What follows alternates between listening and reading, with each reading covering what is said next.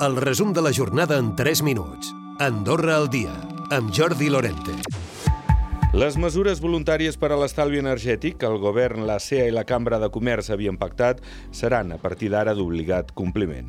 Així, el manteniment de la temperatura a un màxim de 20 graus o la prohibició de fer servir estufes, aires o sistemes de climatització individuals. S'hauran de pagar els llums dels edificis quan s'acabi la jornada laboral o apagar els rètols un cop tanqui l'establiment. De fet, hi ha excepcions pel que fa a la temperatura, per exemple, a llars d'infants, casals d'avis o centres sanitaris, i també als hotels. A les zones comuns no, però sí a nivell individual en cada una de les habitacions.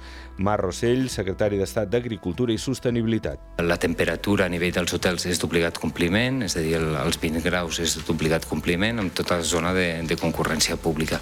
És evident de que mm, molts dels establiments no tenen una regulació conjunta a nivell de les habitacions, on el client pot ficar la temperatura que li sembla mm, més còmode, més confortable. En aquest cas sí que hi ha una obligació als establiments hotelers d'informar els seus clients de la situació energètica. Qui no compleixi aquestes mesures s'exposa a ser sancionat per l'administració. Les persones que vinguin a treballar al país subcontractades eh, per a més d'un mes hauran de cobrar el sou estipulat al catàleg d'ocupacions. El govern modificarà el reglament d'immigració perquè aquests treballadors hagin de presentar el seu contracte en origen i l'administració pugui verificar que sigui homologable amb la legislació andorrana. N'ha parlat el ministre portaveu, Eric Jové. No es pot eh, fer venir algú de fora a treballar al país i donar-li menys que cert salari per segons quines feines. Doncs el que es verificarà és que eh, la persona que ve a treballar doncs, per aquella categoria professional el seu salari no tan sols compleixi amb el salari mínim, sinó que també compleixi amb aquest salari associat amb eh, la, la seva categoria professional. Des del dimecres passat s'han notificat 160 contagis nous de la Covid-19. Actualment hi ha 260 casos actius. Es mantenen les 158 defuncions. Pel que fa a l'hospital, millora sensiblement el nombre d'ingressats amb el coronavirus.